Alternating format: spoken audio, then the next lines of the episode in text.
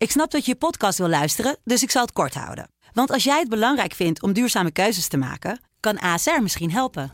Nou hoor ik je denken, hoe dan? Nou, bijvoorbeeld bij het duurzaam herstellen van schade. Of de premies die we beleggen volgens ons duurzaam beleggingsbeleid. Dat bepaalt waar we wel en juist niet in investeren. Wil je meer weten over welke duurzame keuzes ASR maakt? Ga dan naar asr.nl slash duurzame keuzes. ASR doet het. Zo, dan kan je nu lekker naar je podcast luisteren. Dit is het Haagse kwartiertje. De dagelijkse politieke podcast van de Telegraaf in aanloop naar de verkiezingen. Met Valentijn Bartels. Geert Wilders vindt de islamstandpunten van zijn partij nu geen prioriteit. Is dat genoeg om van de PVV een aantrekkelijke coalitiepartner te maken? Ik bespreek het met politiek verslaggever Peter Winterman. Ook asielverslaggever Niels Richter schuift aan om te bespreken hoe migratie en asiel opnieuw politiek Den Haag gaan beheersen. Nadat duidelijk is geworden dat er over een jaar mogelijk 96.000 opvangplaatsen voor asielzoekers nodig zijn. Ook ga ik weer bellen met de politiek orakel. En vandaag is dat PvdA Lutz Jacobi.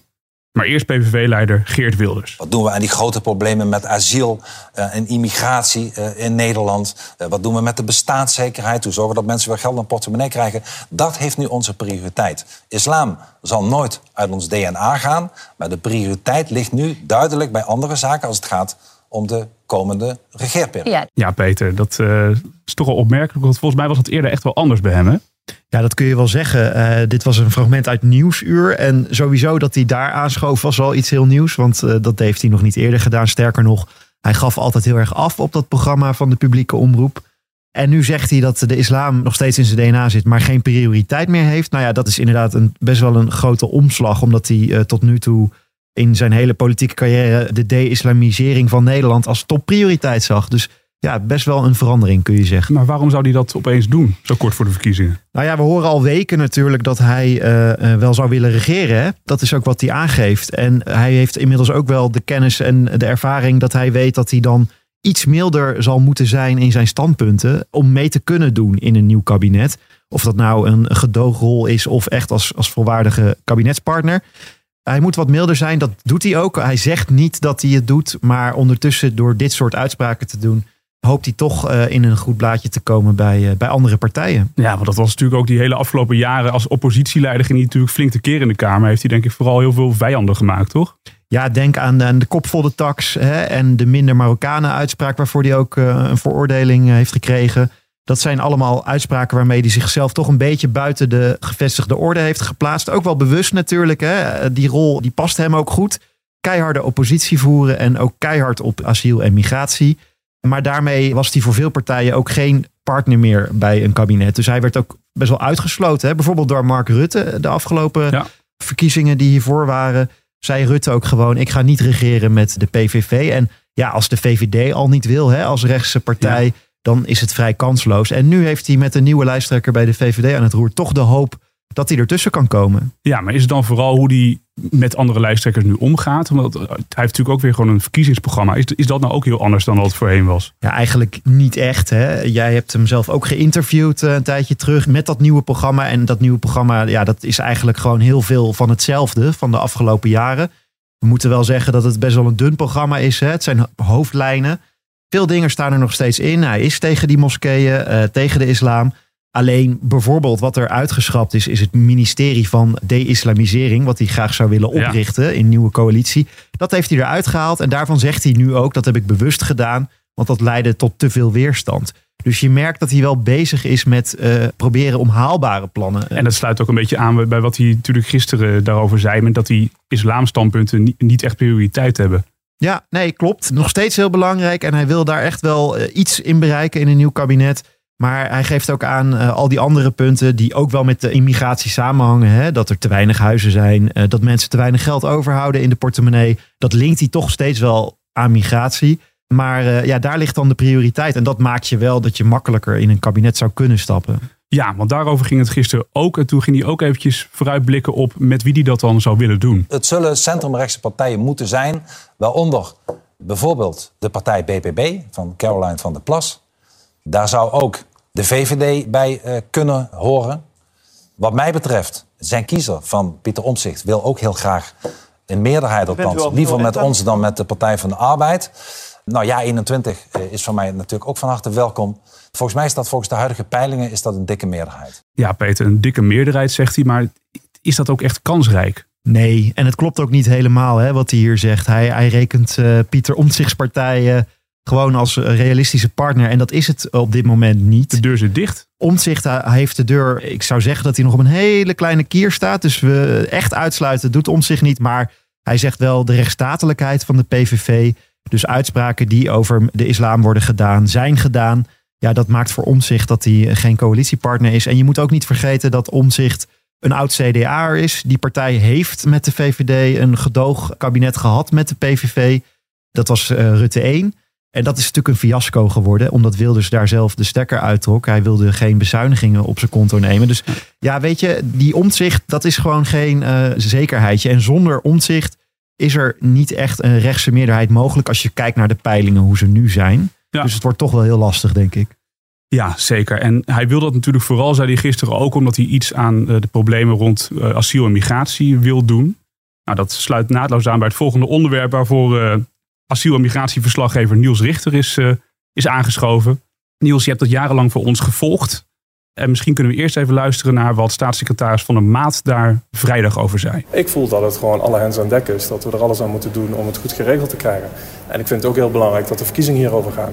Want er moet iets aan die instroom gebeuren. Maar het is ook belangrijk dat er meer tools komen om het gewoon goed te regelen uh, in Nederland. Ja, Niels, die hoge instroom, daar horen we de laatste tijd natuurlijk al vaker wat over. Maar hoe problematisch is die eigenlijk? Nou, het eerste probleem is dat wat uh, de staatssecretaris nu zegt, dat we dit al uh, twee jaar horen, natuurlijk ook van Van den Burg. Ja, er is een blijvend hoge instroom en er is geen plek. Daar komt het op neer. Ik bedoel, er zitten nu 60.000 asielzoekers in de opvang. En eigenlijk maar 30.000 daarvan zit in een asielzoekerscentrum. Dus een plek zoals we die hebben bedoeld. De rest zit allemaal in tijdelijke opvang, noodopvang. En wij weten allebei natuurlijk hoe lang daarover gebakkeleid is. In de veiligheidsberaad en bij gemeentes. Nou ja, en dat er zelfs een wet voor nodig is om gemeentes uiteindelijk te kunnen dwingen tot uh, opvang. Dat Die ligt nu natuurlijk in de Kamer genoeg. en dit is ook een probleem dat zijn weerslag heeft op heel veel andere dingen. Op de zorg, vooral op de woningmarkt. Nou, ga zo maar door. Ja, volgens mij meerdere experts zeggen ook gewoon... we kunnen dit gewoon nu niet aan zo, zoals het nu is, geloof ik. Hè? Ja, het is maar hoe je het bekijkt natuurlijk. Hè. Toen eh, de Russen uh, het oosten van Oekraïne binnenvielen... toen is er via het staatsnoodrecht... binnen een paar maanden is een soort uh, opvang opgetuigd via de gemeente. En dat is heel evenredig gegaan. Elke gemeente heeft plekken gecreëerd voor Oekraïners... naar rato van het aantal inwoners dat is eigenlijk een huzarenstukje geweest. Ja, als er politieke wil was, zou dat voor asielzoekers natuurlijk ook kunnen. Alleen, het telt wel op. We hebben nu 100.000 uh, uh, Oekraïners worden opgevangen bij gemeentes. Je hoort steeds meer bij gemeentes. Ja, het moet uit de lengte of de breedte komen. We vangen al Oekraïners op. We doen al iets aan asielopvang. Ja, meer kunnen we echt niet dragen. Ja, jij noemt al eventjes die politieke wil. En dat is volgens mij bij asielopvang altijd wat ingewikkelder. Omdat de meningen daarover nogal verdeeld zijn. Het kabinet is er zelfs over gevallen omdat ze het niet eens konden worden over de beperking van gezinshereniging. Waarom zouden partijen nu na de verkiezingen elkaar opeens wel kunnen vinden op dit onderwerp? Ja, dat is een goede vraag. Het, onderwerp leek even weg, hè? alsof het eh, even niet meer bestond. Maar het bestaat nog wel. Het probleem is er gewoon nog en eigenlijk urgenter dan voorheen. En je merkt nu wel in de campagne dat het langzaam maar zeker meer naar voren komt. Wat ik opmerkelijk vond is dat de, mooie interview met Frans Timmermans die gewoon uh, ronduit ja antwoordt met een punt erachter op de vraag of we een, probleem hebben met asielopvang. Dat is toch opmerkelijk om dat van de PvdA te horen. Dus ja. ja. Eerder was dat niet zo, hè? PvdA GroenLinks nee, en dat niet zo. Kijk, je kunt naar asiel kijken als een, uh, gewoon een soort technisch probleem. Dat moeten we gewoon even fixen. En als je dat zo zou zien, dan zou het ook te fixen zijn. Maar het raakt aan alles. Het is natuurlijk ook een onderwerp waarop partijen konden getuigen ja, dat ze goed zijn. Hè? Goed zijn voor de vreemdeling. Dat toont aan dat je ja, goed bent voor de mensheid. En niet voor niks zijn het christelijke partijen die op dit thema uh, wat linksig zijn. Ja, omdat in de vluchteling misschien de Heer Jezus vertegenwoordigd is. Ja, vorige week kwamen er ook nieuwste cijfers uh, nog binnen. Over ruim een jaar hebben we wellicht 96.000 opvangplaatsen voor asielzoekers nodig. Een enorm aantal dat de druk op de formerende partijen straks niet nog meer op? Want de nood is ontzettend aan de man dus. Ja, we hebben uh, een tijd geleden kunnen zien wat er gebeurt als een gemeente wordt gedwongen tot asielopvang. We hebben die kwestie te werken. Dat weet je misschien nog. Die werd via een ja, ander mechanisme gedwongen. Nou, het land was te klein en uh, er zijn uh, protesten geweest. Er zijn ook mensen bedreigd.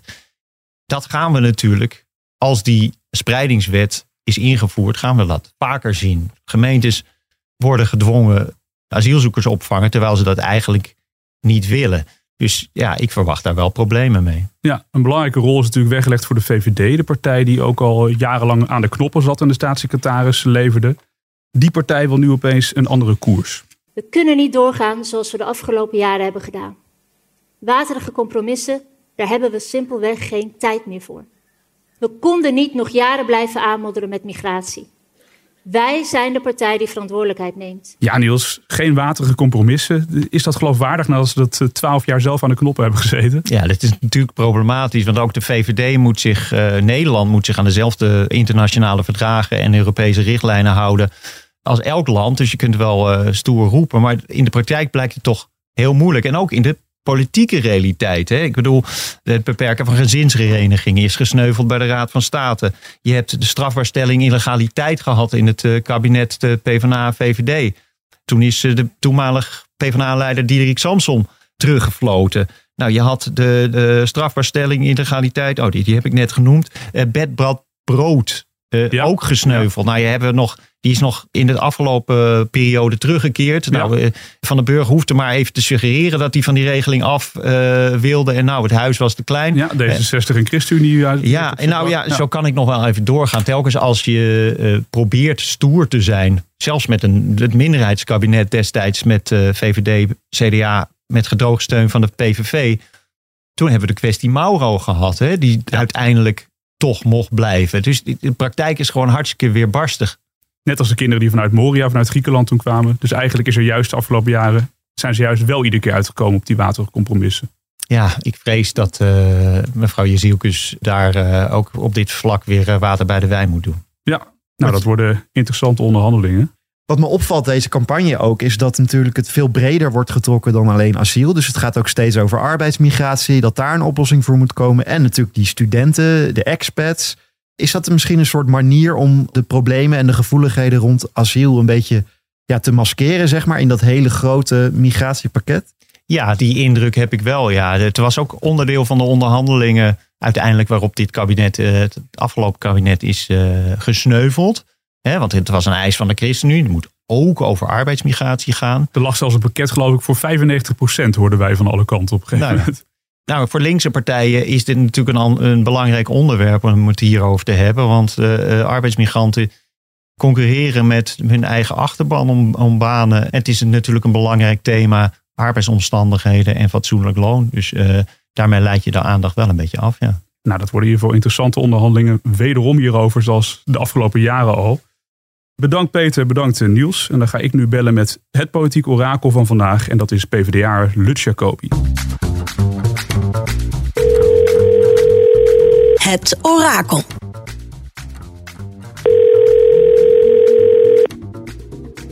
Hi, Lutz Jacobi. Dag Lutz, goeiedag.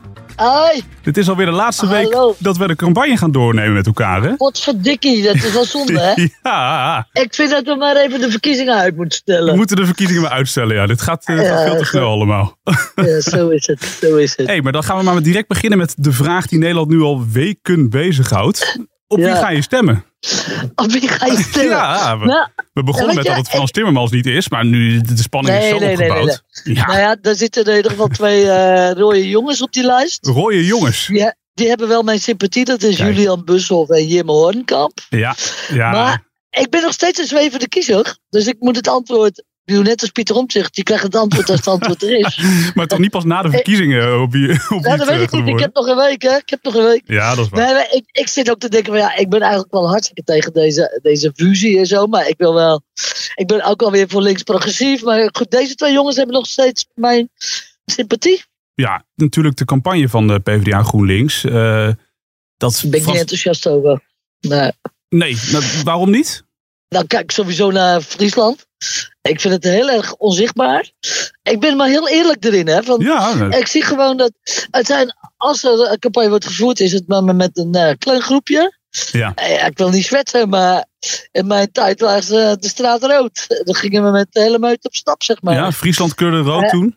Ja, maar dat vind ik gewoon hartstikke zonde. Het lijkt alsof de geest er niet echt is. De, de, de ziel is er niet, laat ik zo zeggen. Nee. Ik kom hartstikke veel mensen tegen die zeggen van ja, ik ben, ik ben in, in geestesnood. Ik heb altijd PvdA gestemd, maar ik ben gewoon zagrijnig over de, hoe dit gaat. Ja. En dat kun je terugzien in de campagne. Dat is gewoon eerlijk. Dat is de eerlijke verhaal. Ja, en wat, wat vind je van? Er kwam Ja. wat kritiek op het feit dat Frans Timmermans dan nog eventjes naar Malaga vloog voor een dag.